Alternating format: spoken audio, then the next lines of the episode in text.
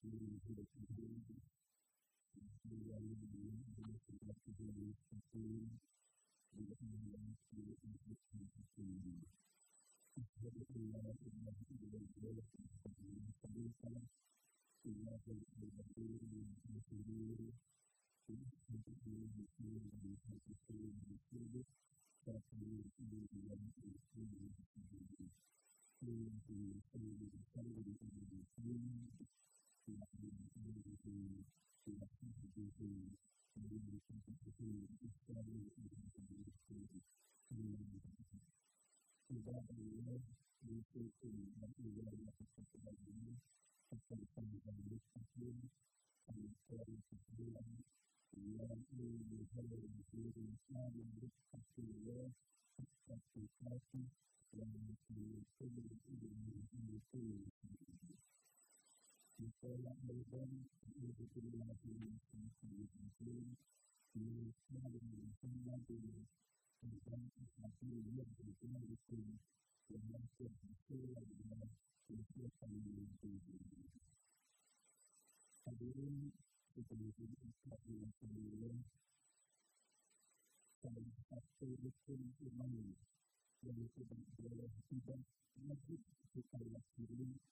dan wajib kita peduli akrab karena berarti memiliki kepada Tuhan. Bagaimana caranya beriman kepada Yesus? Ada enam hal yang wajib kita miliki. Pertama, beriman kepada Rasul harus didudukkan dengan keyakinan di dalam kebenaran yang Rasul tersebut yang diisi semesta bumi tidak lain dan tidak bukan adalah Tuhan Rasulullah Shallallahu Alaihi Wasallam. Menyesal juga orang yang bersudah firman pada nanti setelah Nabi Muhammad maka orang tersebut bisa ditempatkan di luar Islam. Saya sudah mencari surat Al-Hijab ayat 40 dan sambil mengikuti sesuatu dari sesuatu yang dapat kita ketahui. Maka menjadi maka kita ini berjalan sendiri. Bukanlah hanya itu dapat kesekian dari diri kita sendiri, tetapi juga tetapi tetapi dia pelajaran itu kali ini yang terus menjadi dan penutup sendiri. kemudian kita mengambil kemudian kita mengambil kemudian kita mengambil kemudian kita mengambil kemudian kita yang kedua sama kita kepada bukan kepada Nabi Muhammad sebagai Rasul yang itu, tapi kepada orang lain yang diyakini akan menerima Nabi. Ini juga yang terbaik dan sampai pada kesempatan kita yang kami kita bisa dan kita bisa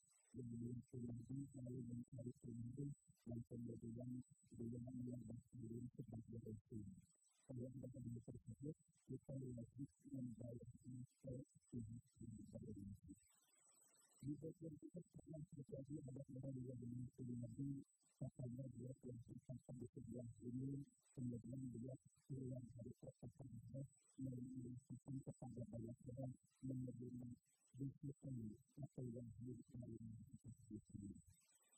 Itu sebabnya dia berfikir dan berfikir dengan tidak berfikir. Dari kalau itu diuji apa yang tidak pernah di dalam mimpi tapi juga bisa di dalam keterimbulan, itu pun mungkin terjadi dalam tidak mungkin di dalam misal yang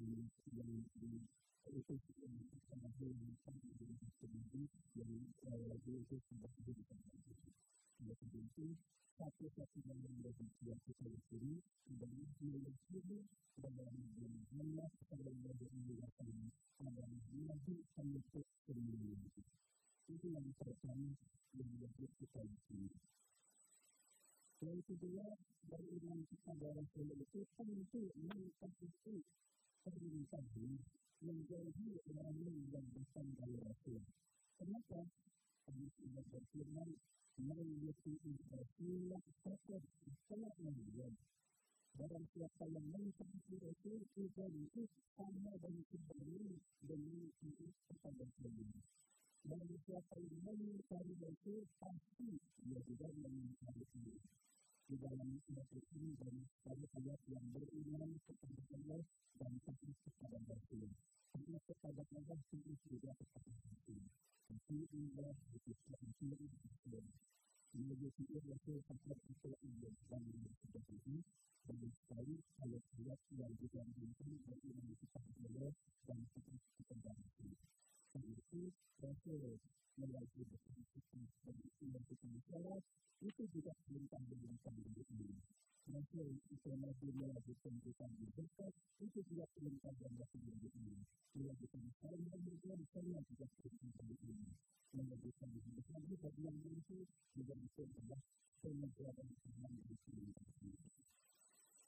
Yang ketiga, kurang lebih kita wajib untuk mengenali sifat-sifat karena dia berpikir kita adalah nabi yang memiliki sifat ini. Karena dipercaya bukan hanya oleh saya, tetapi juga oleh dunia. Ketika musuh-musuh Nabi akan berangkat keluar kota, barang-barang dititipkannya sebutan kepada teman-teman mereka, tapi juga dititipkan kepada musuh mereka, yang lebih dulu. Itu Nabi Muhammad itu adalah Nabi yang disegani bukan Nabi saja, bukan oleh diri. Diyakini atau dipercayai bukan Nabi saja, juga oleh diri. Jadi oleh karena itu, diyakini pada ini diperdebatkan dalam Rasulullah di dalam Al-Quran sebagai Rasul Rasul Jika bersama Rasul Rasul Nabi Rasul Yang ketiga, kita wajib bagaimana cara mengimani kepada Rasul yang ketiga kita wajib membela kehormatan. Membela kehormatan itu adalah dengan cara yang baik, bukan cara yang tidak baik. Kalau ada orang yang menghina Nabi kita, yang mencaci atau yang menyusahkan Nabi kita, maka kita tinggal bawa saja orang tersebut ke pihak yang berbeda kita menambahkan diri yang menjadi yang pertama dari dari sebab ini. Sekarang kemudian ada salah satu pemimpin kita yang menggunakan hidup kita menggunakan hidup kita itu sebagai yang pertama dan tentang satu mungkin ditampilkan di sekolah-sekolah kemudian gambar tersebut dari misalnya dengan Nabi memakai serban dan serban ada dia yang sudah menjabat betul-betul jadi kalau yang sudah luar biasa saya sudah sebutkan di kita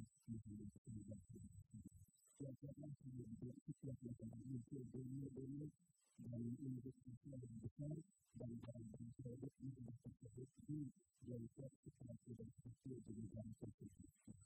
Untuk itu kita lagi juga untuk menjelaskan masalah ini dari minimal berbagai ibarat yang tersebut diberikan oleh itu kepada beliau sebelum menjelaskan itu.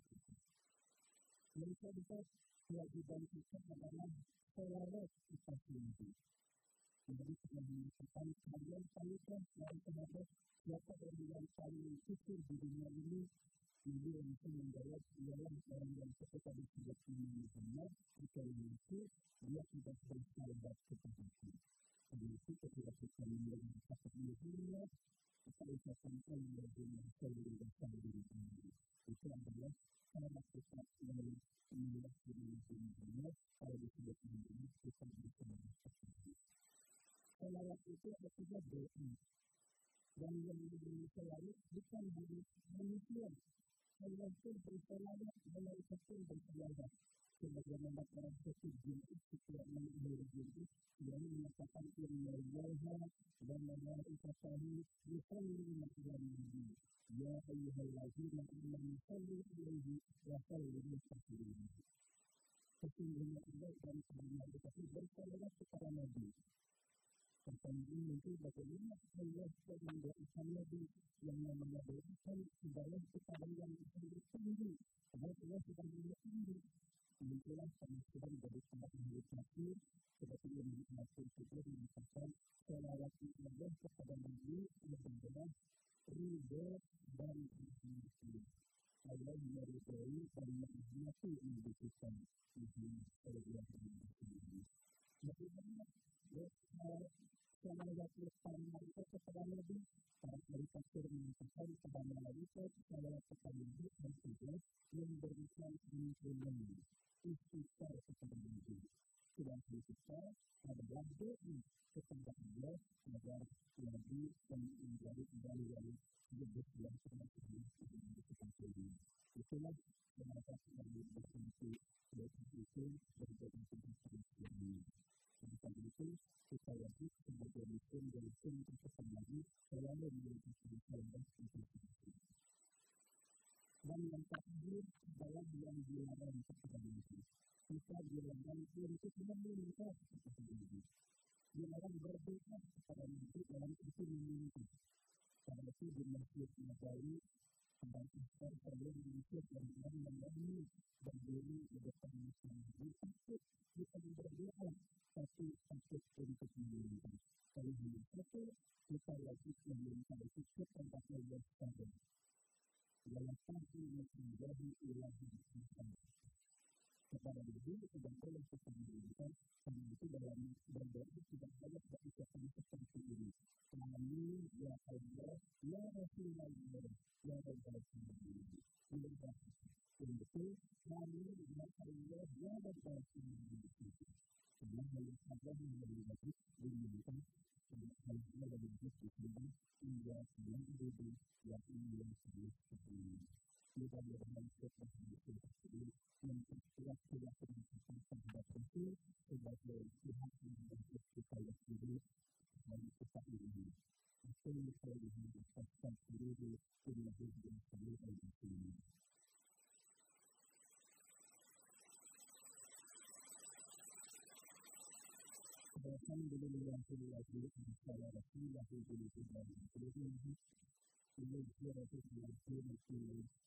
that can actually reduce the reason.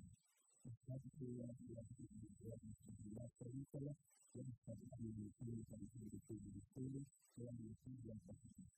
Cada una de estas de de de de que de de la la la la la la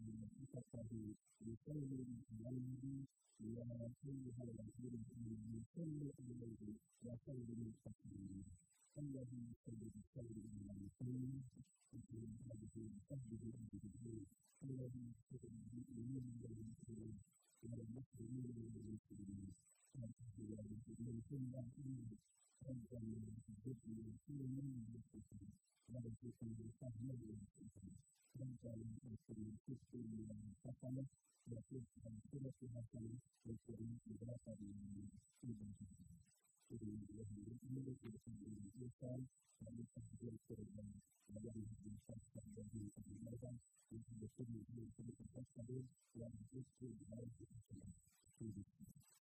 الحمد لله الذي أنزل السكينة في قلوب المؤمنين ليزدادوا إيمانا مع إيمانهم أشهد أن لا إله إلا الله وحده لا شريك له وأشهد أن سيدنا محمدا عبده ورسوله لا نبي بعده.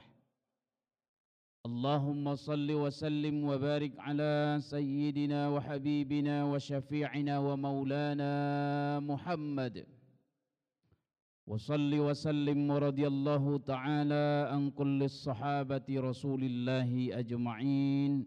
أما بعد فيا أيها الحاضرون الكرام أوصيكم ونفسي بالتقوى الله. اتقوا الله حق تقاته ولا تموتن إلا وأنتم مسلمون. فقال الله تعالى في كتابه الكريم وهو أصدق القائلين أعوذ بالله من الشيطان الرجيم. بسم الله الرحمن الرحيم. يا أيها الذين آمنوا qu anfusakum wa ahlikum nara wa quduha an-nas wal hijarah alaiha malaikatun ghiladun shidadun la ya'suna Allah ma amarahum wa yaf'aluna ma yu'marun wa qala an-nabi sallallahu alaihi wasallam kullukum ra'in wa kullukum mas'ulun an ra'iyatihi Sadaqallahul azim wa sadaqa rasuluhun nabiul karim wa nahnu ala dhalika minasyahidina wa syakirin walhamdulillahi rabbil alamin.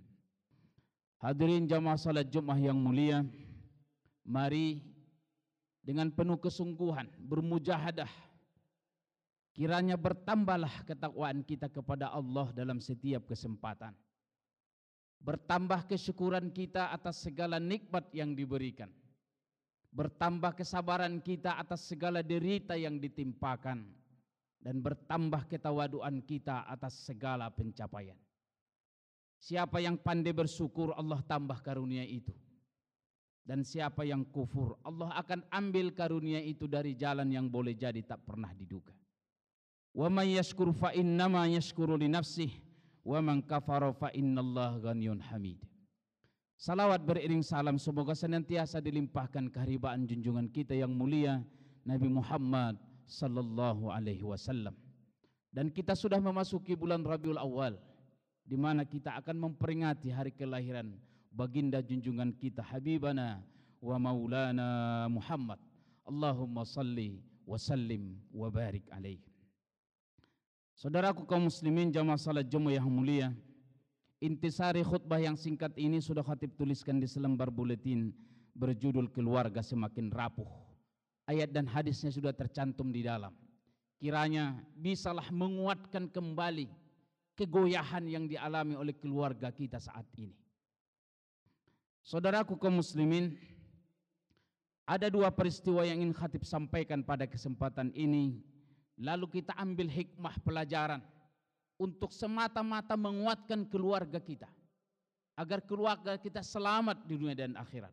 Agar anak-anak kita selamat dunia dan akhirat. Dan itu harus kita sadari bersama. Saat ini kita sedang menghadapi sebuah goncangan besar. Enam bulan sudah pandemi COVID-19 ini menghantam seluruh dunia, termasuk negeri kita tercinta. Korban jiwa berjatuhan. Di negeri kita ini setiap hari mendapatkan berita di atas 4.000 orang masih tertular setiap harinya. Dan yang meninggal pun terus bertambah setiap waktu. Goncangan ekonomi sedemikian dahsyat Para orang yang bekerja dihantam dan kehilangan pekerjaannya. Usaha-usaha bangkrut, perusahaan harus memberhentikan karyawannya dan demikian banyak dampak yang diakibatkannya. Salah satu yang dahsyat itu dan sering kita abaikan dan kita lupakan adalah tentang keluarga kita. Ternyata yang paling merasakan juga dahsyat hantaman pandemi ini adalah kekokohan, keutuhan keluarga kita. Sekitar sebulan yang lalu, kita dikagetkan informasi berita di televisi dan koran bahwa di pengadilan negeri di kota Bandung itu terjadi antrian yang panjang. Dan itu tidak biasanya. Antrian panjang orang berada di kantor pengadilan agama. Dan setelah dicek, ternyata mereka sedang mengurus gugatan perceraian. Ini berita yang luar biasa dan tidak bisa kita sepelekan. Dan sebagian besar yang hadir menggugat itu adalah kaum ibu, kaum istri. Menggugat cerai suaminya. Sehingga harian koran Republika mengadakan penelusuran dan ditemukan data sekitar 250 kasus setiap hari disidangkan di, di pengadilan agama Bandung itu. Dan 70% gugatan perceraian adalah dari pihak perempuan, dari pihak istri. Alasannya adalah karena tidak tahan menanggung tekanan ekonomi yang sangat sulit. Di Mahkamah Agung Badan Pengadilan Mahkamah Agung memberikan data kepada kita dan ini sungguh mencengangkan. Di bulan April sampai bulan Mei 2020 yang lalu di Indonesia tercatat 20 ribu kasus perceraian. Dan bulan Juni dan Juli pada dua bulan berikutnya terjadi peningkatan tiga kali lipat 57 ribu kasus perceraian di Indonesia. Saudaraku kaum muslimin, ini data Betapa semakin rapuhnya keluarga kita. Tak tahan, tak mampu, tak kuat menanggung gempuran kesulitan ekonomi akibat pandemi. Sang suami yang selama ini bekerja dan mendapatkan penghasilan yang utuh sekarang tinggal setengah atau bahkan tidak mendapatkan penghasilan karena di PHK oleh perusahaannya dan goyah keluarganya. Apa yang akan kita lakukan kalau ini menghantam kita, keluarga kita, saudara kita? Sungguh sebenarnya ini adalah kesempatan peluang bagi siapa pun yang kita hari ini masih dalam keteguhan dan kekuatan. Kelapangan ekonomi kita. Jangan sampai keluarga dari saudara kita ini yang perceraiannya, keluarganya bagaikan di ujung tanduk itu terjadi perpecahannya, perceraiannya. Karena itu yang tetap yang menjadi korban adalah anak-anaknya. Saatnya kita berinfak, saatnya kita menyelamatkan keluarga kita, saudara-saudara kita, kaum kerabat kita yang hari ini dalam konflik keluarga karena tidak mampu menanggung tekanan ekonomi yang sangat berat. Rasulullah Shallallahu Alaihi Wasallam pernah menyebutkan satu dirham bisa melampaui seratus dirham. Seorang sahabat bertanya, bagaimana itu bisa ya Rasulullah? Ketika seorang punya dua dirham dan ia sedekahkan sedirham dan ada orang yang menyedekahkan seratus dirham tapi dia memiliki harta kaya yang berlimpah ruah. Ini artinya apa? Dalam kondisi yang susah sekarang ini adalah saatnya kita menolong saudara-saudara kita yang terutama yang keluarganya sedang dalam kerapuhan. Peristiwa yang kedua yang ingin Khatib sampaikan ini berbeda tapi sesungguhnya punya akar yang sama. Sepekan yang lalu, ratusan bahkan ribuan anak-anak kita melakukan demonstrasi besar-besaran di Jakarta. Sebenarnya bagi khatib bukan soal demonstrasinya. Tapi ada anak-anak kita yang masih berusia atau sekolah SD, SMP dan SMA setingkatnya ikut melakukan demonstrasi dan sebahagiannya melakukan tindakan anarkis. Dan yang paling memilukan lagi adalah sebahagian besar dari orang tua tidak tahu kalau anaknya ikut demonstrasi dan melakukan tindakan anarkis. Dan mereka ditangkap oleh polisi dan mereka ditahan di sana, dijemur, dibuka bajunya. Yang menurut sudut pandang Komisi Perlindungan Anak tidak wajar dilakukan terhadap mereka, tapi karena dianggap melakukan tindakan anarkis diberikan hukuman.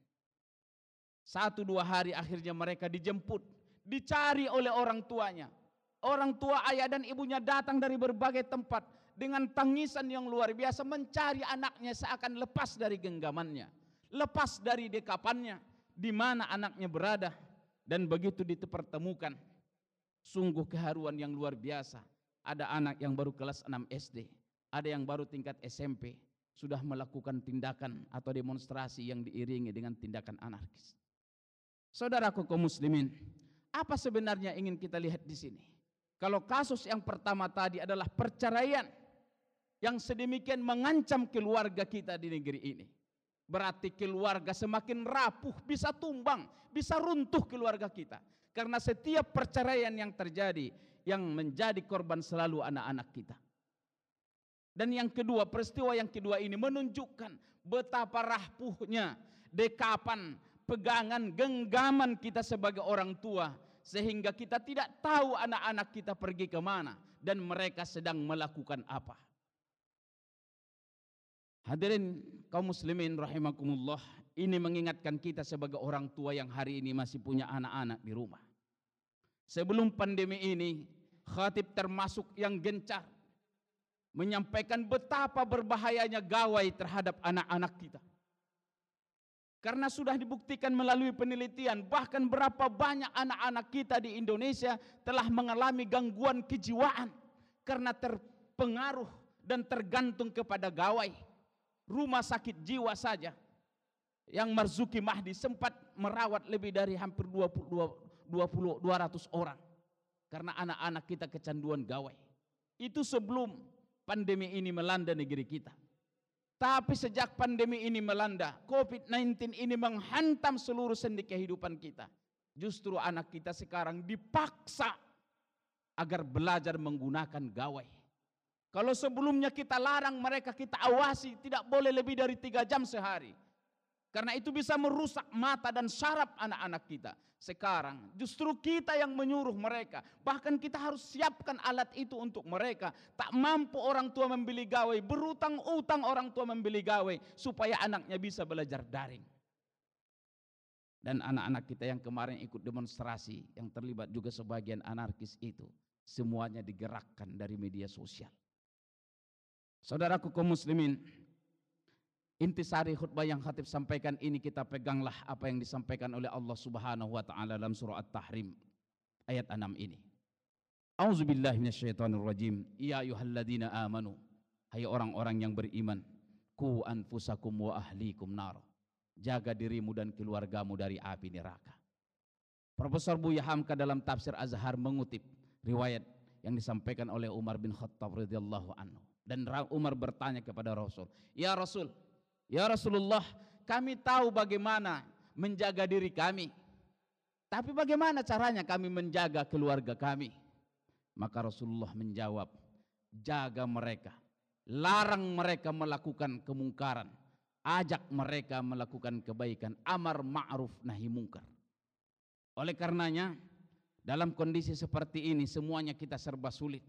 Tapi harus kita ingat yang pertama, keluarga kita itu adalah karunia termahal yang Allah berikan kepada kita.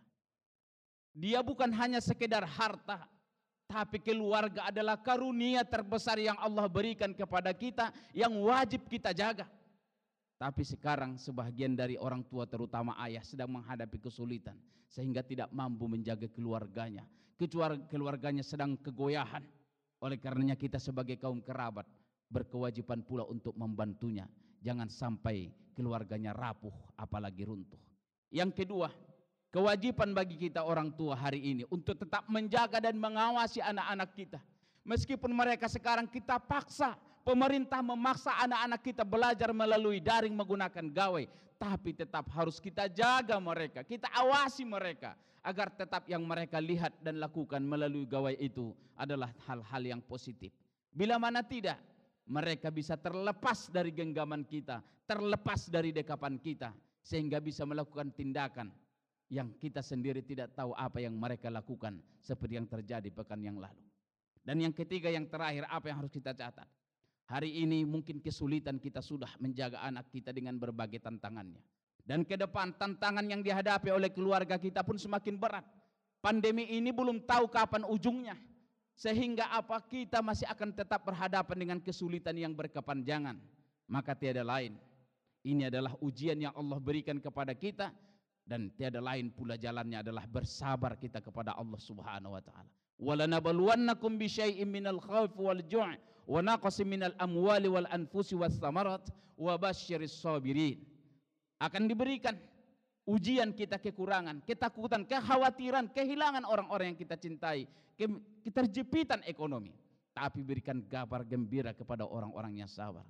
Alladzina idza asabathum musibah qalu inna lillahi wa inna ilaihi rajiun. Yakni mereka yang apabila ditimpa musibah mereka selalu berkata komitmen kuat, sungguh kita ini adalah milik Allah dan kita pun semua akan kembali kepada Allah Subhanahu wa taala. Artinya tiada lain kita memohon perlindungan kepada Allah. Hanya Allah yang bisa menyelamatkan kita. Ikhtiar maksimal kita sudah lakukan. Protokol kesehatan sudah kita jalankan. Tapi kalaulah karena itu pula ajal mendatangi kita, maka semua kita kembalikan kepada Allah Subhanahu wa taala. Ikhtiar wajib kita jalankan. Ketentuan semua ini dari Allah Subhanahu wa taala. Mudah-mudahan khutbah yang singkat ini bisa mengingatkan kita kalau hari ini Allah berikan kita kekuatan dan kelapangan bersyukur kita kepada Allah sehingga kita bisa menguatkan keluarga kita. Tapi percaya dah, lihatlah saudara-saudara di sebelah rumah kita yang sekarang ini banyak menghadapi kesulitan. Bahkan ada keluarga yang tidak punya beras di rumahnya dan itu semua adalah tanggung jawab kita. Dan kita tidak mampu mempertanggungjawabkan ini nanti di omil akhir. Kalau kita masih bisa tidur dengan nyenyak, sementara saudara kita ada yang tak tidur karena kelaparan. Dan itu adalah kewajiban kita sesama muslim dan kepada tetangga kita. Barakallahu li wa lakum fil Qur'anil azim wa nafa'ani wa iyyakum bima fihi minal ayati wa zikril hakim wa taqabbal minni wa minkum tilawatahu innahu wal ghafurur rahim.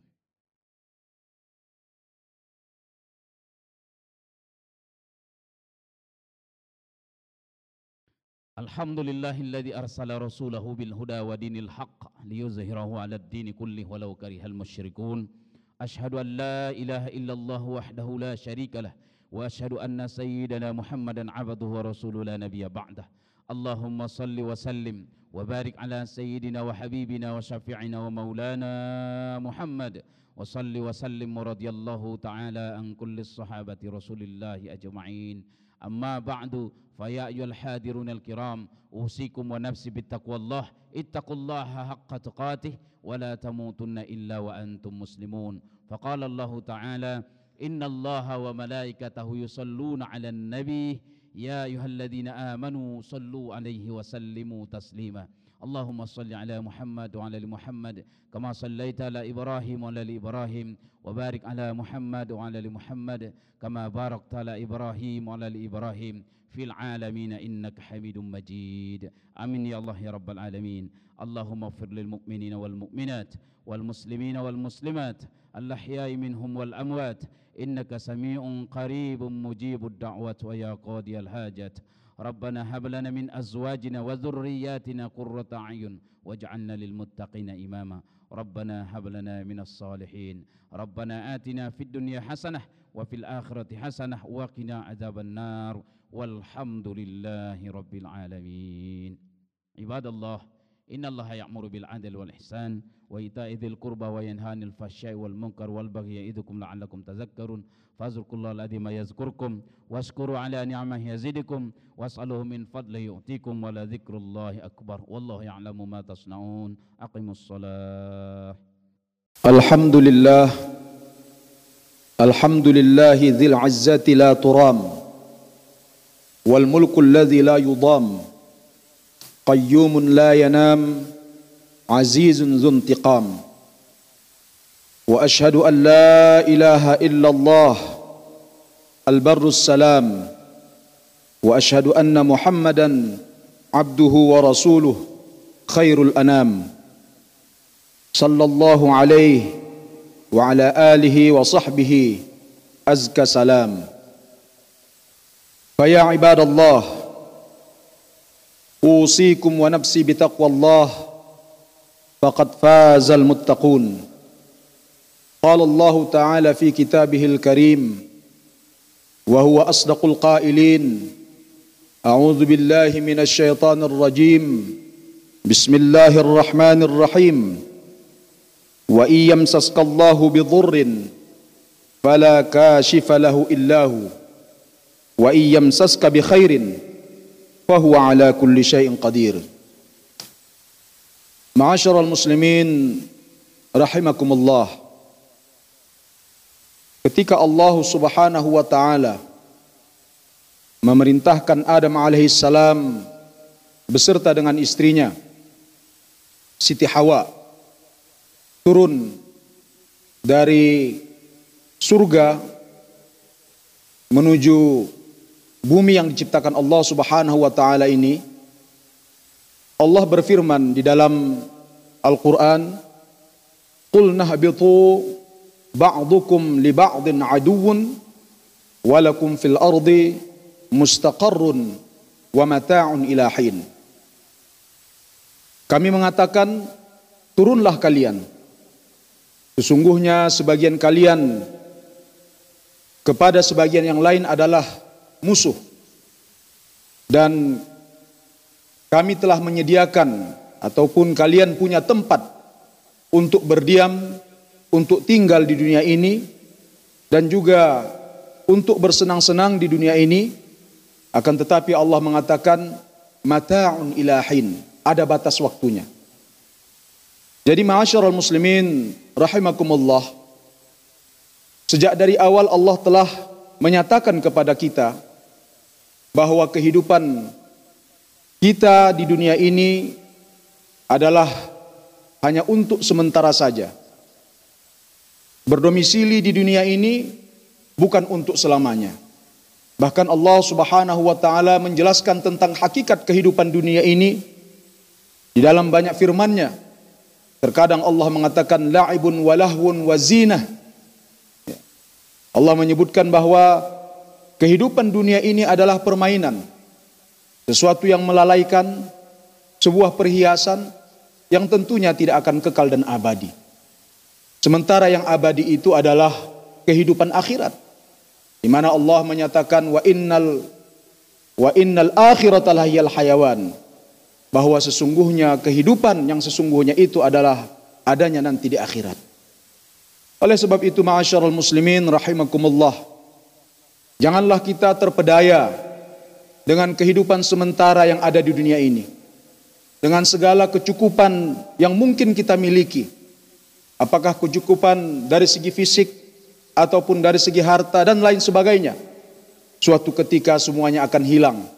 Suatu ketika semuanya akan kita tinggalkan dan yang kekal abadi disebutkan al-baqiyatus salihatu khairun 'inda rabbik maka yang kekal itu adalah amal soleh kita dan itulah yang lebih baik di sisi Allah Subhanahu wa taala.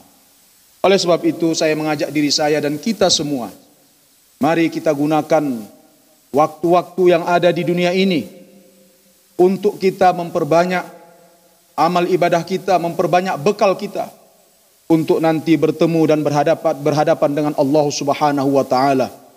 Dan tentu saja sebaik-baik bekal untuk kita nanti bertemu dengan Allah Subhanahu wa taala adalah dengan ketakwaan kepada Allah.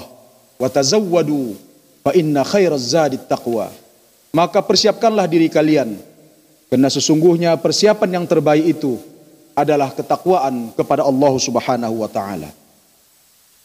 Masyarul muslimin rahimakumullah. Di dalam Al-Qur'an Allah menceritakan banyak karakter karakter negatif daripada kita manusia ini. Allah terkadang dalam Al-Quran Allah mengatakan wa kanal insanu aktsara shay'in jadala. Ya. Manusia itu banyak bertengkarnya, banyak berdebatnya. Ya, wa kanal insanu zaluman jahula. Manusia itu zalim dan bodoh. Dan banyak lagi sifat-sifat negatif yang di sebutkan Allah Subhanahu wa taala terkait dengan diri kita manusia. Meskipun pada saat yang sama Allah Subhanahu wa taala juga memuliakan kita dengan semulia-mulianya. Walaqad karramna bani Adama wa hamalnahum fil bardi wal bahr wa razaqnahum minat tayyibat wa faddalnahum ala katsirin minal alamin. Sangkinkan mulianya kita manusia. Ma'asyiral muslimin rahimakumullah Allah menyebutkan di dalam Al-Quran ketika Allah telah menyempurnakan ciptaannya bentuk daripada Adam alaihissalam fa idza sawaituhu nafakhtu fihi min ruhi kata Allah. Setelah sempurna bentuk Nabi Adam ketika itu Allah mengatakan aku tiupkan dariku kata Allah dari diriku ke dalamnya ruhku. Jadi luar biasanya mulianya manusia sehingga nyawa yang kita miliki ini adalah merupakan hembusan daripada Allah Subhanahu wa taala. Tiupan daripada Allah Subhanahu wa taala. Belum cukup itu. Kemudian Allah Subhanahu wa taala untuk menunjukkan kemuliaan yang kita miliki sebagai manusia yang diciptakan oleh Allah Subhanahu wa taala. Dia dia perintahkan malaikat dan seluruh yang ada pada ketika itu agar supaya bersujud kepada Nabi Adam sebagai bentuk ta'ziman wa tasyrifan wa takriman lahu. Bentuk penghormatan bentuk kemuliaan kepada manusia, penghargaan kepada manusia. Betapa mulianya manusia di hadapan Allah Subhanahu wa taala. Namun ma'asyiral muslimin rahimakumullah, anehnya manusia ini. Iblis yang dikeluarkan Allah Subhanahu wa taala yang dikutuk Allah Subhanahu wa taala disebabkan karena tidak mau bersujud kepada Adam alaihi salam Lantas manusia kemudian menjadikannya sebagai teman, menjadikannya sebagai sahabatnya. Maka di dalam Al-Quran Allah menyatakan dengan sangat jelas sekali. Menyindir kita manusia. Afatattakhidunahu wa zurriyatahu awliya'a min duni. Wahum lakum aduun. Apakah kalian menjadikan dia, iblis dan keturunannya sebagai teman kalian, awliya'a min duni. Wali kalian, penolong kalian selain aku. Padahal mereka itu adalah musuh kalian. Nah, ini ma'asyarul muslimin. Anehnya manusia ini disebutkan Allah subhanahu wa ta'ala. Dia mengeluarkan iblis, mengutuk iblis. Disebabkan tidak mau memberikan penghormatan kepada kita manusia, kepada Abul Bashar. Tapi pada saat yang sama kemudian manusia menjadikannya itu sebagai temannya. Padahal Allah dengan jelas di dalam Al-Quran menyatakan, Wa kana syaitanu lil insani aduwam mubina bahwa setan itu adalah merupakan musuh manusia yang nyata. Sampai-sampai Allah menyatakan dalam firman-Nya fattakhidhu aduwa. Ditegaskan lagi oleh Allah, karena dia adalah musuh kalian yang nyata, maka jadikan dia sebagai musuh kalian. Wala tattabi'u khutuwati syaitan. Jangan kalian kemudian mengikuti langkah-langkah setan. Nah, ini ma'asyiral muslimin rahimakumullah di antara sifat-sifat yang dijelaskan Allah Subhanahu wa taala di dalam Al-Qur'an terkait kita manusia ini.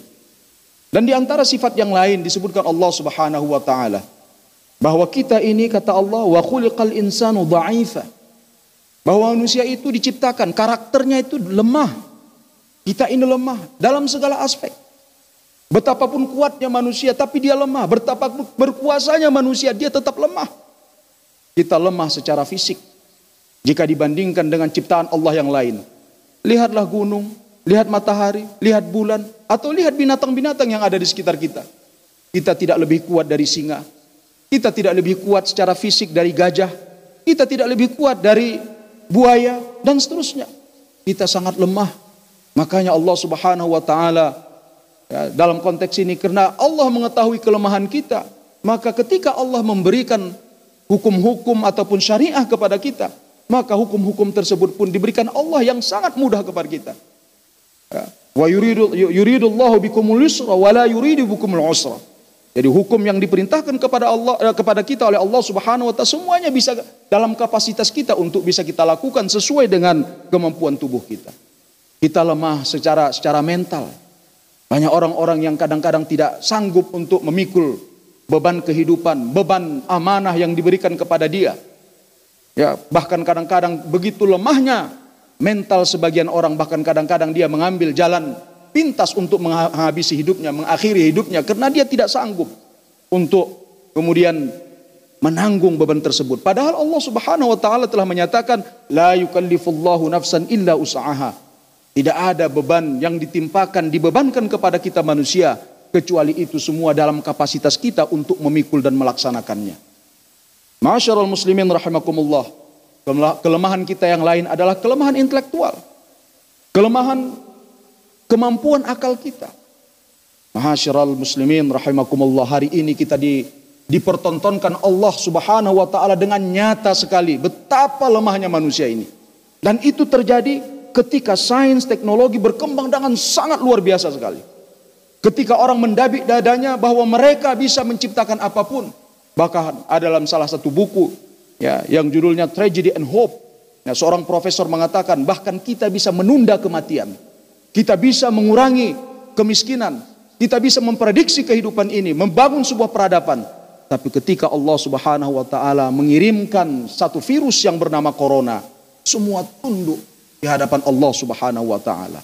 Sampai saat sekarang ini belum ada yang bisa mengungkap hakikat daripada virus ini dan belum ada yang kemudian bisa menemukan bagaimana kemudian untuk berhadapan dengan virus yang diciptakan oleh Allah Subhanahu wa taala ini.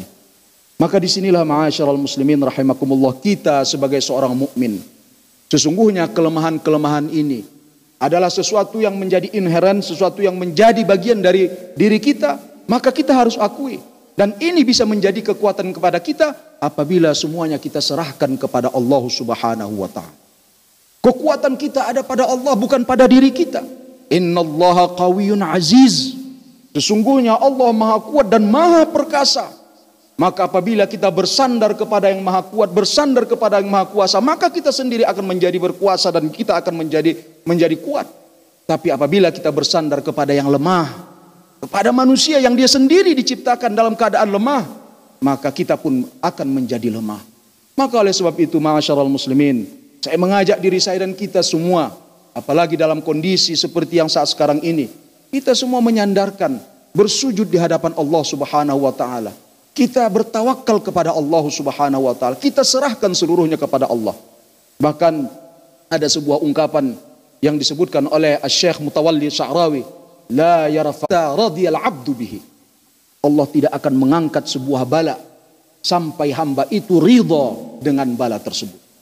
Jadi kalau kita sudah ridho, kita terima bala tersebut, kita akui kelemahan kita di hadapan Allah, bersujud di hadapan Allah. Dengan demikian mudah-mudahan bala itu akan diangkat oleh Allah Subhanahu wa taala. Karena Allah Subhanahu wa taala menyebutkan seperti yang diungkapkan dalam ayat muqaddimah tadi Ya, di mana Allah Subhanahu wa taala menyatakan iyam saskallahu bidhurrin fala. Ya, kalau Allah sudah ingin mendatangkan kemudaratan kepada kalian, kepada manusia, tidak ada yang bisa mengangkatnya kecuali Allah Subhanahu wa taala sendiri. Illahu, kecuali Dia. Wa iyam saska bi khairin. Ya, kalau Allah menghendaki keba kebaikan kepada kita, ya, bahwa ala kulli syai'in qadir. Maka Allah Subhanahu wa taala adalah Maha Kuasa Nah, oleh sebab itu, masyaallah muslimin kembali, ya.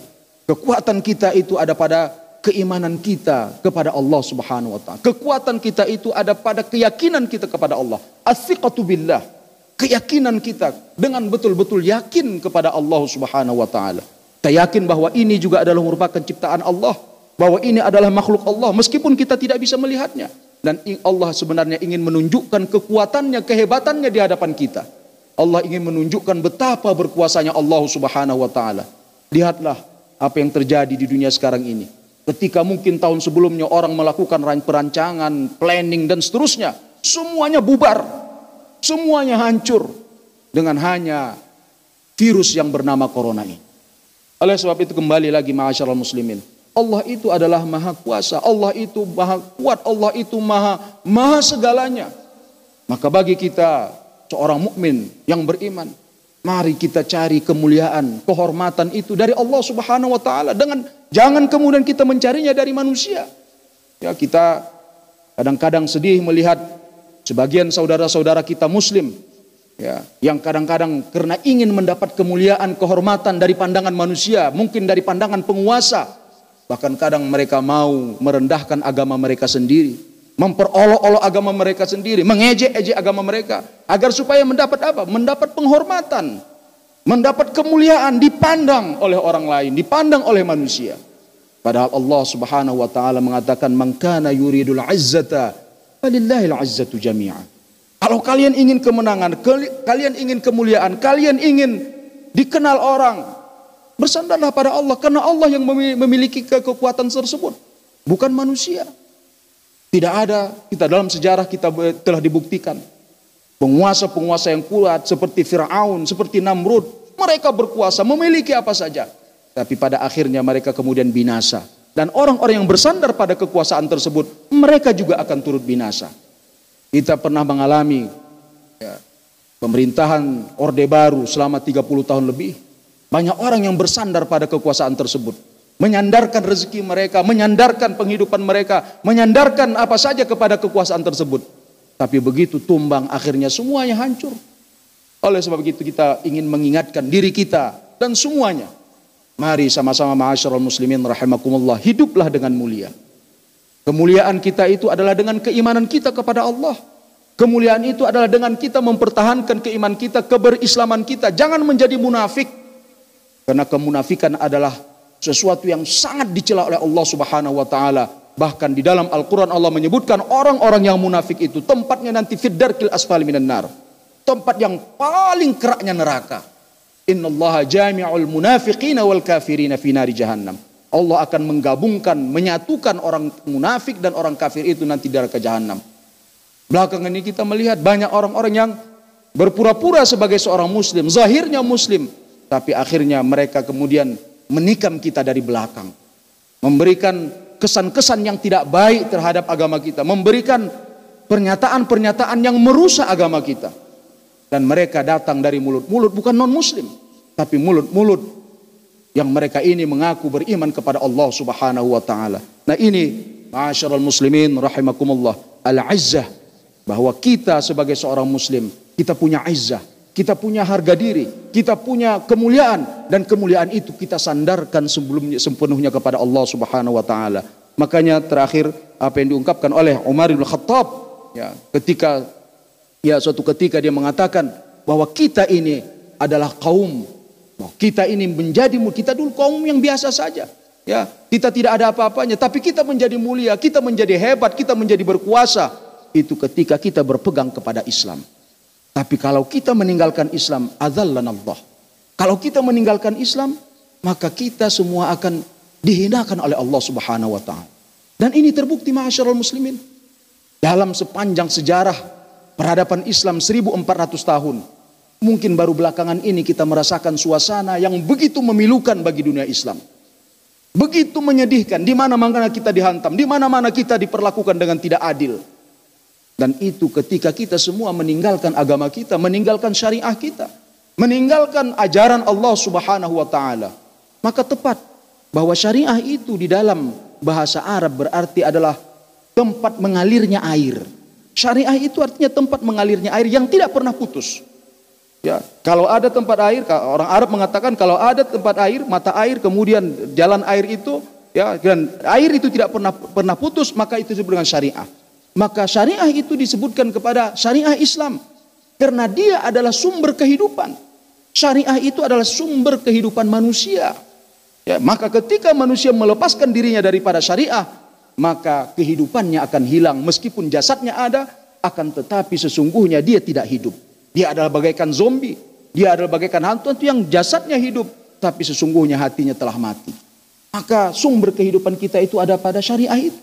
Sumber kehidupan kita ada pada ajaran Allah Subhanahu wa taala yang tercantum di dalam Al-Qur'an, yang tercantum di dalam uh, sunnahnya Rasulullah SAW. Namun sayangnya banyak di antara umat Islam ini yang masih keliru bahkan tidak memahami apa itu makna syariah. Inilah yang disebutkan oleh Abdul Qadir Audah dalam bukunya Ya, di mana dia menyebutkan judul bukunya Al-Islamu baina jahli abnaihi wa ajzi ulamaihi. Ya, umat Islam ini atau Islam ini berada di tengah-tengah antara kebodohan umatnya dan juga kelemahan para ulamanya. Ulamanya lemah. Bahkan muncul ulama-ulama su kata Imam Ghazali. Ulama-ulama su adalah ulama-ulama yang mereka menggunakan ilmu agamanya untuk mendapatkan penghormatan, untuk mendapatkan jabatan-jabatan tertentu. Dan inilah yang dikutuk oleh Allah Subhanahu wa taala. Mudah-mudahan kita diselamatkan Allah Subhanahu wa taala. Keimanan kita diselamatkan Allah Subhanahu wa taala, begitu juga Allah tetap menjaga kesehatan kita, keluarga kita sehingga kita bisa tetap istiqamah di jalan Allah Subhanahu wa taala. Sekecil apa pun yang kita lakukan untuk agama kita ini, untuk mempertahankan keimanan kita ini. Itu dilihat Allah Subhanahu wa taala dan akan menjadi saksi nanti ketika kita di hadapan Allah Subhanahu wa taala akan menjadi saksi menjadi pembela kepada kita ketika nanti kita dipertanyakan apa yang telah kita lakukan untuk agama kita ini. Barakallahu li wa lakum fil Qur'anil azim wa nafa'ani wa iyyakum bima fihi minal ayati wadh-dhikril hakim wa taqabbala minni wa minkum tilawatahu innahu huwal ghafurur rahim.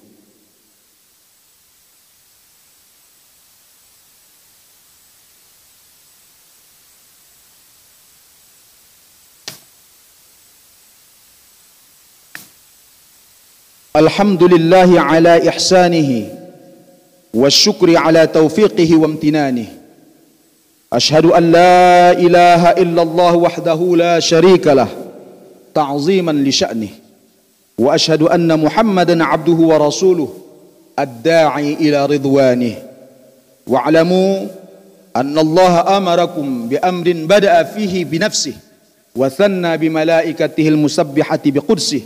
فقال تعالى إن الله وملائكته يصلون على النبي يا أيها الذين آمنوا صلوا عليه وسلموا تسليما. اللهم صل على محمد وعلى آل محمد كما صليت على إبراهيم وعلى آل إبراهيم وبارك على محمد وعلى آل محمد كما باركت على إبراهيم وعلى آل إبراهيم في العالمين إنك حميد مجيد. اللهم اغفر للمسلمين والمسلمات والمؤمنين والمؤمنات الأحياء منهم والأموات برحمتك يا أرحم الراحمين. اللهم ادفع عنا البلاء والوباء والفحشاء والمنكر والمحن والفتن ما ظهر منها وما بطن. من بلدنا هذا خاصة ومن بلدان المسلمين عامة. إنك على كل شيء قدير. اللهم انصر الإسلام والمسلمين. وأهلك الكفرة والمبتدعة والمشركين ودمر أعداءك أعداء الدين. ربنا ولا تحملنا ما لا طاقة لنا به. واعف عنا واغفر لنا وارحمنا. أنت مولانا فانصرنا على القوم الكافرين. اللهم سلمنا والمسلمين. اللهم سلمنا مما نخاف ولا تسلط علينا من لا يخافك ولا يرحمنا. ربنا آتنا في الدنيا حسنة وفي الآخرة حسنة وقنا عذاب النار. عباد الله إن الله يأمر بالعدل والإحسان وإيتاء ذي القربى وينهى عن الفحشاء والمنكر والبغي. يعظكم لعلكم تذكرون ولذكر الله أكبر. والله يعلم ما تصنعون. أقيموا الصلاة. الحمد لله الذي اختار البقاء لنفسه وارتضاه وحكم فيهم بعدله وأمضى. ويسر كل لما خلق له فأرضاه أحمده سبحانه وتعالى وأشكره والشكر يوجب المزيد من رفده وأشهد أن سيدنا ونبينا محمدا عبده ورسوله لا نبي بعده اللهم فصل وسلم وبارك على سيدنا محمد وعلى آله وأصحابه الكرام البررة وسلم تسليما كثيرا أما بعد فيا عباد الله أوصيكم وإياي بتقوى الله فقد فاز المتقون قال الله تعالى في كتابه الكريم وهو أصدق القائلين أعوذ بالله من الشيطان الرجيم بسم الله الرحمن الرحيم والمؤمنون والمؤمنات بعضهم أولياء بعض يأمرون بالمعروف وينهون عن المنكر ويقيمون الصلاة ويؤتون الزكاة ويطيعون الله ورسوله أولئك سيرحمهم الله إن الله عزيز حكيم صدق الله العظيم Hadirin sidang Jumat rahimakumullah.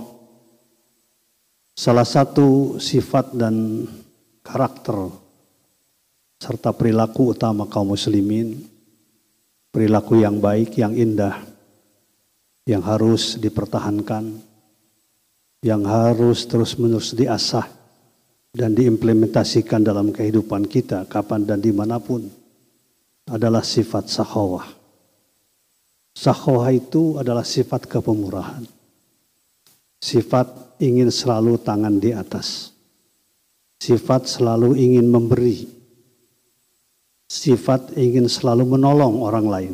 Menolong yang membutuhkan baik yang berkaitan dengan kegiatan-kegiatan keagamaan maupun dengan pemenuhan kebutuhan pribadi. Karena sifat sakhawah ini adalah sifat yang dicintai oleh Allah. Allah sangat mencintai orang yang memiliki sifat sakhawah. Bahkan bukan sekedar Allah, tapi juga malaikat, para nabi, kemudian juga umat Islam kaum muslimin. Dan kita melihat bahwa eksistensi keberadaan kaum muslimin di negara kita khususnya itu adalah kenapa kita terus eksis. Meskipun banyak kelompok-kelompok yang berusaha untuk menghilangkan berbagai macam kegiatan-kegiatan keislaman di negara kita. Untuk tidak lagi tidak tidak menjadikan umat Islam sebagai umat mayoritas. Karena kemayoritasan umat Islam itu sangat dibenci oleh berbagai pihak. Inginnya Indonesia adalah sebuah negara yang sama-sama jumlah agamanya yang satu dengan yang lain. Tapi tetap dalam pandangan dunia Islam, dalam pandangan dunia internasional bahwa mayoritas umat Islam itu itu ada di negara kita. Bahkan bisa dibandingkan jumlah penduduk Islam di Indonesia melebihi penduduk jumlah umat Islam yang digabungkan di negara-negara Arab semuanya. Itu tidak melebihi jumlah umat Islam. Kenapa? Saya melihat salah satu sebabnya adalah karena sifat sakhawah ini, kepemurahan ini terus dijaga, dikembangkan. Rasulullah SAW menyatakan dalam sebuah hadis, As-sahi qaribu minallah.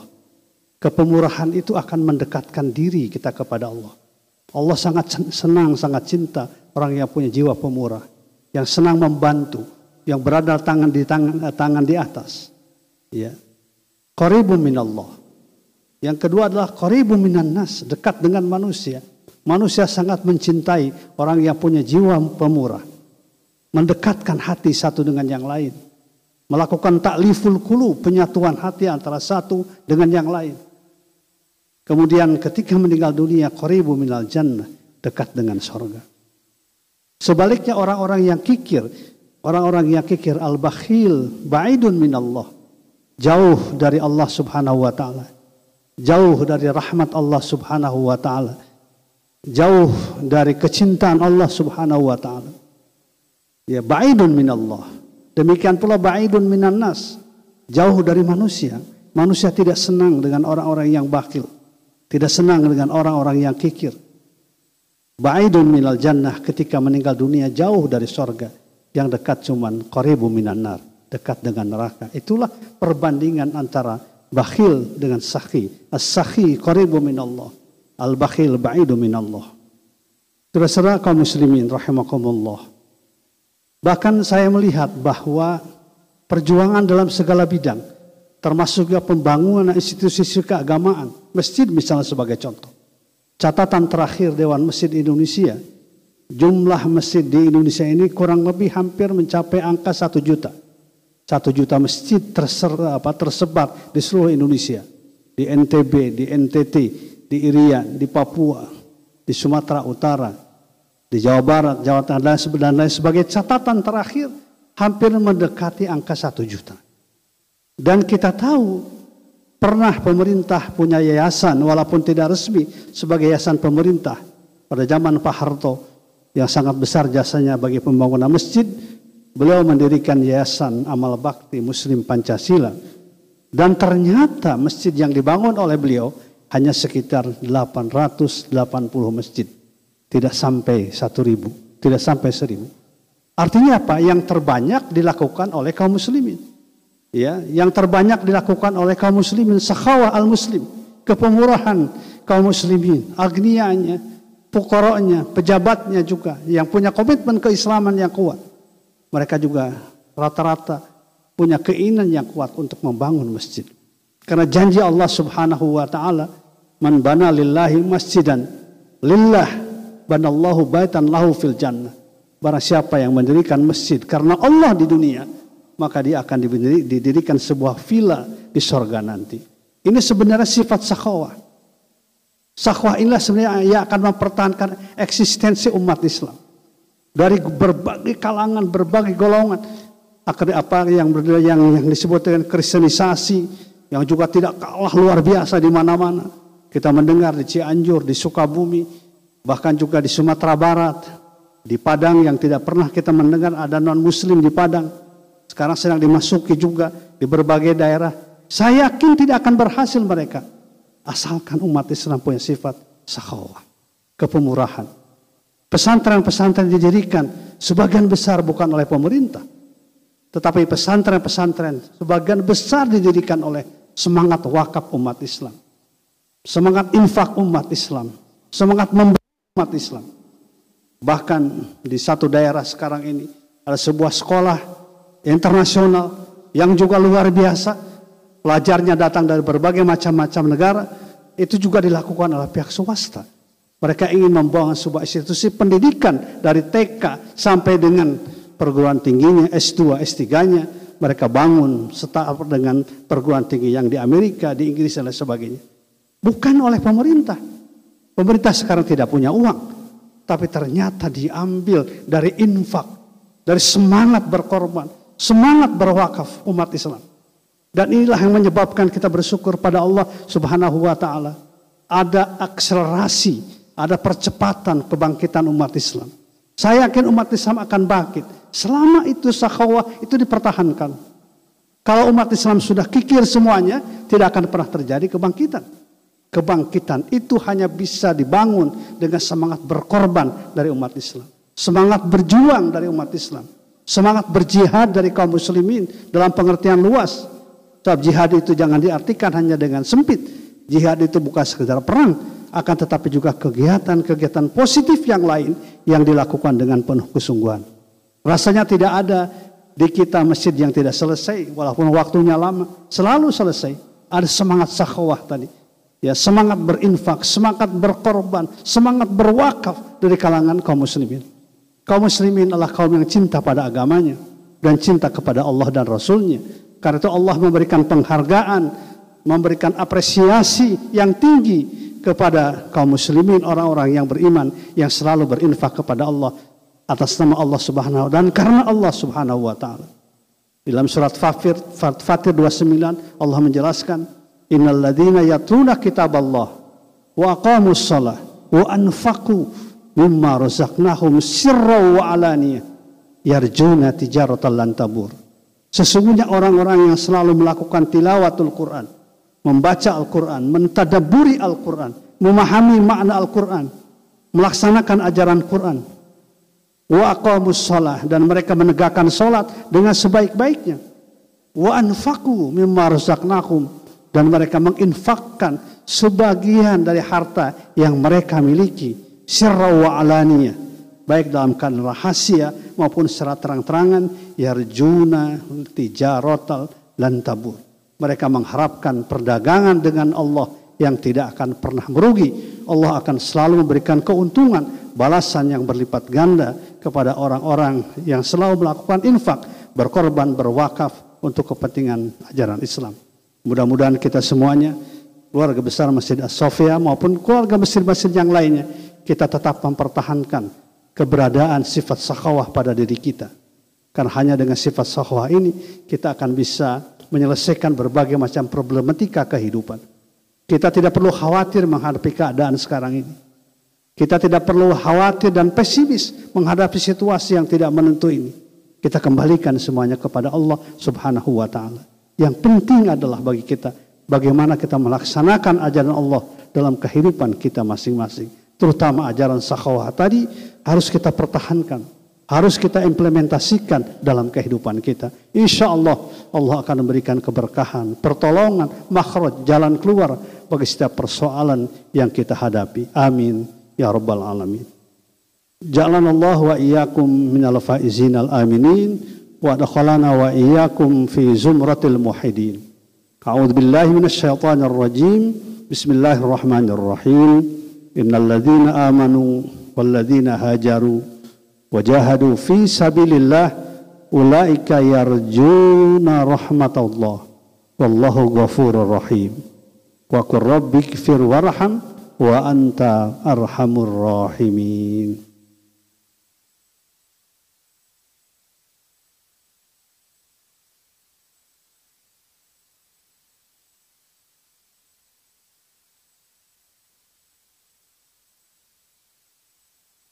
الحمد لله رب العالمين والعاقبة للمتقين ولا عدوان إلا على الظالمين.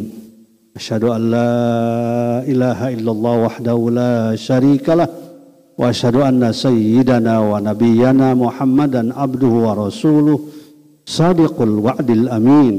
اللهم فصل وسلم وبارك على سيدنا محمد وعلى آله وأصحابه الكرام وسلم تسليما كثيرا.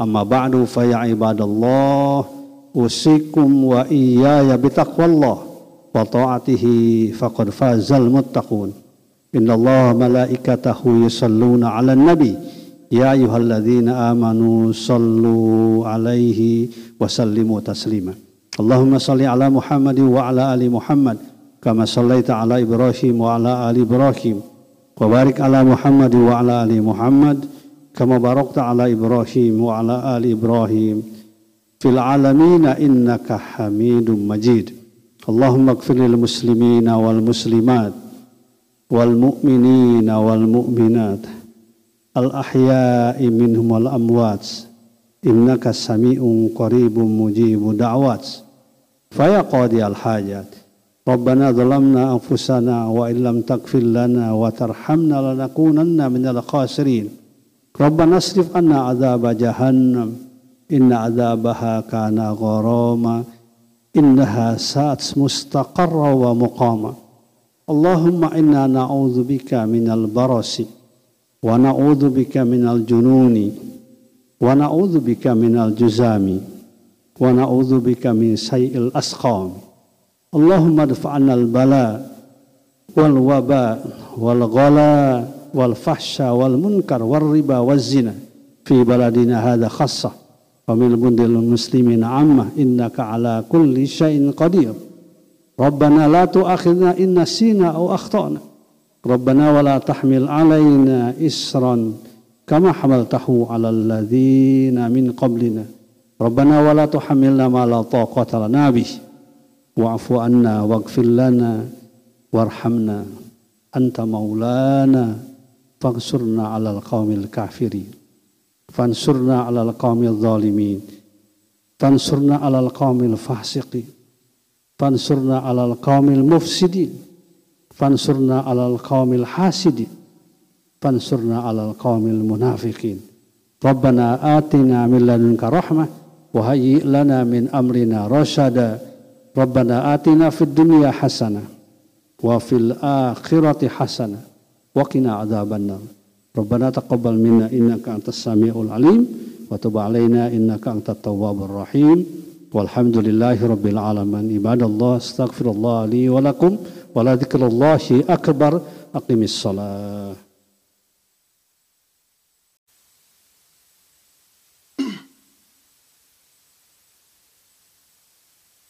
Innal hamdalillah nahmaduhu wa nasta'inuhu wa wa billahi min shururi anfusina wa min sayyiati a'malina. May yahdihillahu fala mudhillalah wa may yudlilhu fala hadiyalah Asyhadu an la anna Muhammadan abduhu wa rasuluhu la nabiyya ba'dah. Allahumma fasalli wa sallim ala sayyidina Muhammad wa ala alihi wa ashabil kiram wa sallama tasliman katsira amma ba'd. Fa ya ibadallah usikum wa iyaya bitaqwallah wa ta'atihi faqad fazal muttaqun. Wa qala Allah Ta'ala fi kitabihil karim wa huwa asdaqul qailin. A'udzu billahi minasy syaithanir rajim. Bismillahirrahmanirrahim. Wa man a'rada an dzikri fa inna lahu ma'isyatan dhanka wa nahsyuruhu yaumal qiyamati a'ma. Sadaqallahul azim. Hadirin sidang Jumat rahimakumullah. Sebagai ajaran agama yang bersifat komprehensif, Islam telah mengatur seluruh aspek kehidupan, termasuk aspek kehidupan sosial dan ekonomi.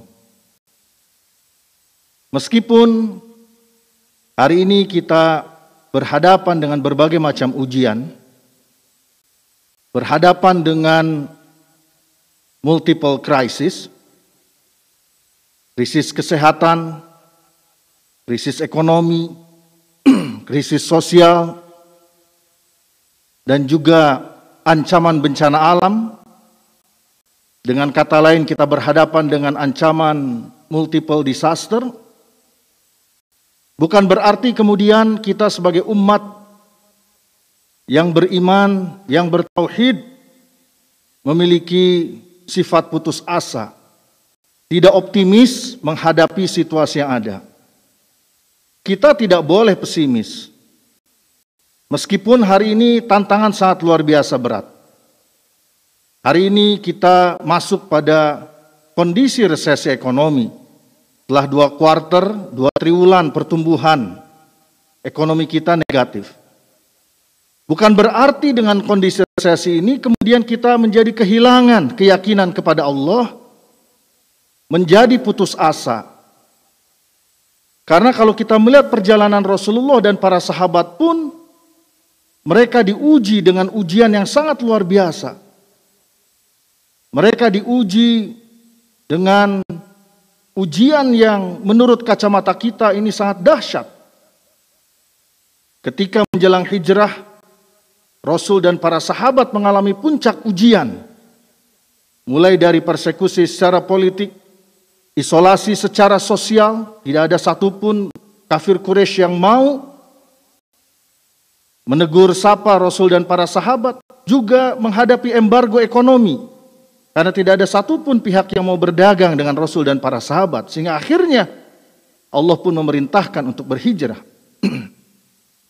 Tapi apakah Rasul dan para sahabat kehilangan optimisme dalam menghadapi semua tantangan? Jawabannya adalah tidak. Kenapa? Karena buat orang yang beriman, tidak ada kamus putus asa. Wala rauhillah innahu la yasumir illal qaumul kafirun. Tidak ada kamus putus asa karena pesimisme dan putus asa itu hanyalah milik orang-orang yang tidak beriman. Hanya milik orang-orang yang kufur. Hanya milik orang-orang yang tidak mengenal Allah tidak yakin kepada Allah. Dan ini adalah modal kita untuk bangkit. Keyakinan kepada Allah Subhanahu wa taala adalah modal utama kita untuk bangkit menghadapi berbagai macam persoalan. Tinggal sekarang bagaimana kemudian agar turun rahmat dan pertolongan Allah Subhanahu wa taala maka kita perlu memperbaiki cara kita hidup. Kita harus memperbaiki cara kita bermuamalah. Kita harus memperbaiki cara kita berekonomi, berbisnis. Kita harus perbaiki semuanya dan menyesuaikan perbaikan itu dengan ketentuan Allah dan Rasulnya. Misalnya, bagaimana cara memperbaiki kondisi ekonomi? Ya. Saya meyakini bahwa situasi resesi hari ini bukan sekedar masalah ekonomi biasa. Tapi ini adalah situasi di mana Rasulullah SAW telah memprediksi Ketika sistem ekonomi itu kuat sekali berbasis riba, maka ujungnya pasti akan terjadi berbagai macam krisis. Rasul telah mengingatkan dalam salah satu hadis beliau, beliau mengatakan, Ma'ahadun aksara minar riba illa akibatu umrihi ila killatin. Tidaklah satu masyarakat, seseorang, satu keluarga yang banyak beraktivitas dengan sistem ekonomi riba kecuali ujung dari kehidupannya hartanya menjadi lebih sedikit. Jadi ini sudah ada garansi dari Allah dan Rasulnya bahwa yang namanya krisis itu akan pasti terjadi dan sistem yang tidak didasarkan kepada ketentuan Allah akan sangat rentan terhadap krisis tersebut. Sehingga sekarang kita melihat Situasi ketidakpastian yang semakin besar dan ini terjadi secara global. Tidak pernah terbayangkan oleh kita sebelumnya. Resesi ini terjadi secara global di seluruh negara, tidak terkecuali. Ini semua terjadi kalau kita pakai sudut pandang kacamata keimanan karena kita banyak melanggar ketentuan Allah dan Rasulnya. Nah karena itu kita harus mulai memperbaiki. Setahap demi setahap kita perbaiki kehidupan kita. Kita perbaiki cara kita mencari nafkah. Karena mencari nafkah ini termasuk yang akan dimintakan pertanggungjawaban oleh Allah. Jangan lupa di yaumil akhir ini kita harus mempertanggungjawabkan banyak hal. Di antara hal yang harus kita pertanggungjawabkan adalah terkait dengan harta. Min aina iktasabahu Bagaimana cara kita memperoleh harta? Wafima anfaqahu dan bagaimana cara kita membelanjakan harta. Ini dua hal yang harus kita pertanggungjawabkan di hadapan Allah. Kita perbaiki sekarang cara kita mencari nafkah. Kita harus punya komitmen untuk senantiasa berorientasi kepada proses mencari rizki dengan cara-cara yang benar, dengan cara yang halal, menjauhi berbagai macam kemaksiatan, menjauhi misalnya perilaku korupsi, menjauhi riswah, suap menyuap, menjauhi hal-hal yang diharamkan. Tujuannya apa? Supaya turun keberkahan dari Allah Subhanahu wa taala. Nah, ini harus kita ubah semuanya. Kalau kita ingin membagikan situasi yang ada ini jadi sesuatu yang membawa keberkahan. Karena situasi kesemrautan yang kita hadapi hari ini pada dasarnya adalah akibat pengingkaran kita secara sengaja kepada ketentuan Allah. Dalam ayat yang saya bacakan di awal khutbah tadi, di surat Toha ayat 124, di situ Allah membuat korelasi antara a'rodo an zikri, kesengajaan untuk menolak mengingat Allah, kesengajaan untuk anti terhadap ajaran agama, kesengajaan untuk tidak mau melaksanakan syariat, dengan apa? Ma'isyatan donka.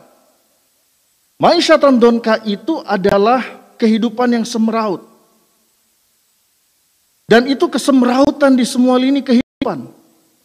Dan boleh jadi kalau kita telah kesemrautan di semua lini kehidupan ini, kalau kita tarik dan kita mau jujur, pada dasarnya karena kita melakukan a'rodo'an zikri, secara sadar dan sengaja kita menentang ketentuan Allah dan Rasulnya. Bahkan sering kali kita dibentur-benturkan antara ajaran agama dengan dasar negara. Sesuatu yang sebenarnya tidak perlu dibentur-benturkan. Harusnya disinkronkan. Karena keduanya memiliki nafas yang sejalan. nah jadi karena itulah hadirin sedang Jumat Rahmakumullah. Kalau kita ingin membalikkan situasi yang ada ini, maka perbaiki cara kita hidup. Dan ini harus kita lakukan secara bertahap. Kita perbaiki sistem ekonomi kita secara bertahap. Kita kembangkan semangat berbagi.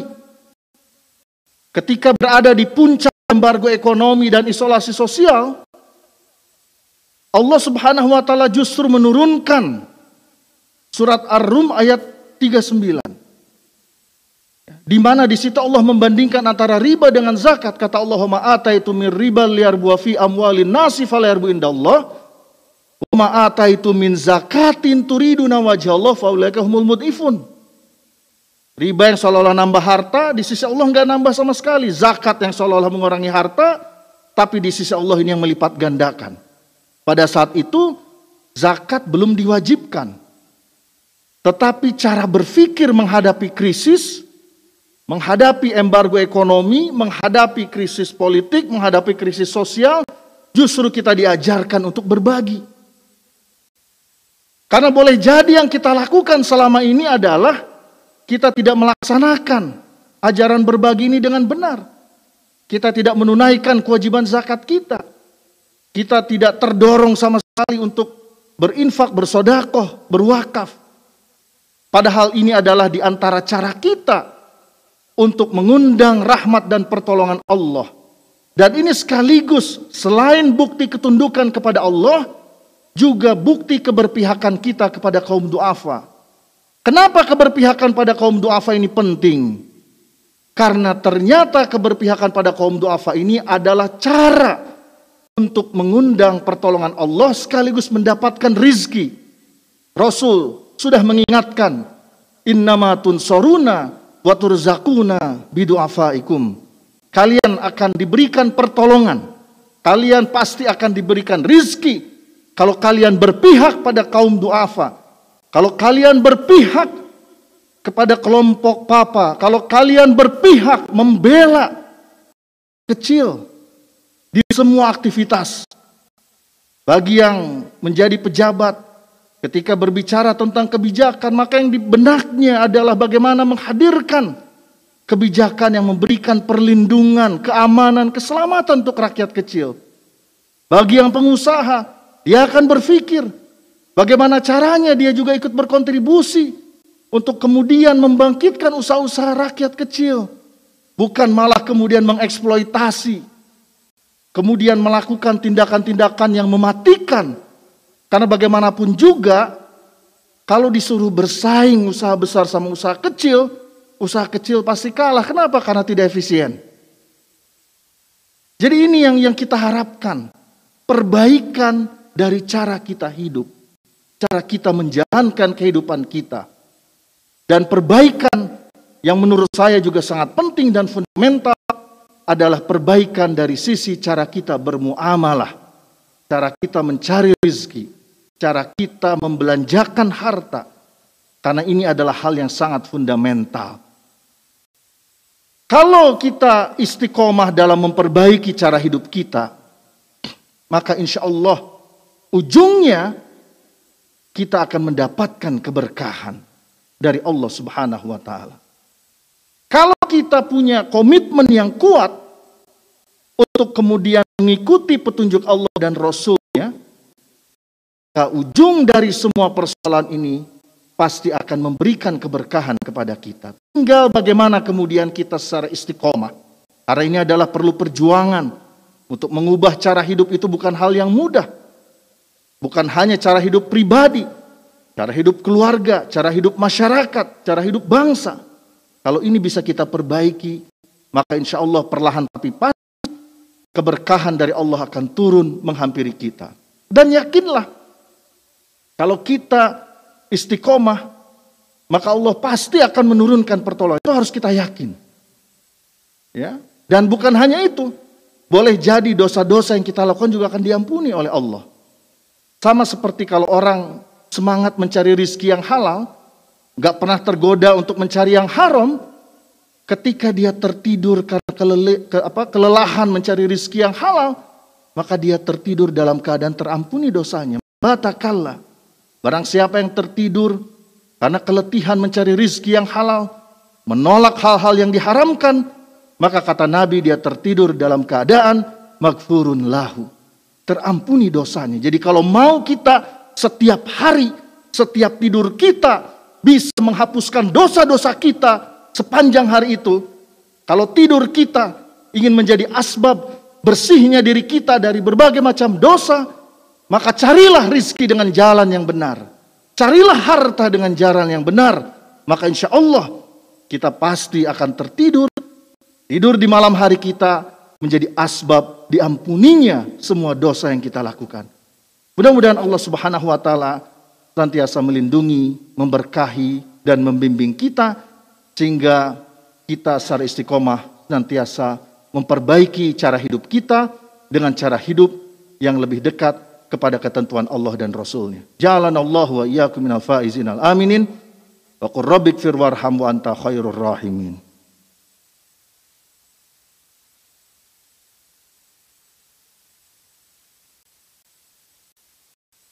Alhamdulillah. Alhamdulillahilladzi arsala rasulahu bil huda wa dinil haq. Zirahu ala dilihi wa kafa billahi syahida. Asyhadu an la ilaha illallah wahdahu la syarikalah wa asyhadu anna Muhammadan abduhu wa rasuluhu la nabiyya ba'dah. Allahumma shalli wa sallim ala sayyidina Muhammad wa ala alihi wa ashabil kiram wa sallama tasliman. Ma ba'd Ya ayyuhalladzina amanu taqullaha haqqa tuqatih wa la tamutunna illa wa antum muslimun. Innallaha malaikatahu yusholluna 'alan nabi. Ya ayyuhalladzina amanu sallu 'alaihi wa sallimu taslima. Allahumma salli ala sayidina Muhammad wa ala ali Muhammad kama sallaita ala Ibrahim wa ala ali Ibrahim wa barik ala Muhammad wa ala ali Muhammad kama barakta ala Ibrahim wa ala ali Ibrahim fil alamina innaka hamidum majid. Allahumma gfir lil muslimina wal muslimat wal mu'minina wal mu'minat al ahya'inhum wal amwat. Innaka sami'un qaribum mujibu da'wat. Wa ya qadi al hajat. Rabbana zalamna anfusana wa illam taghfir lana wa tarhamna lanakunanna minal khasirin.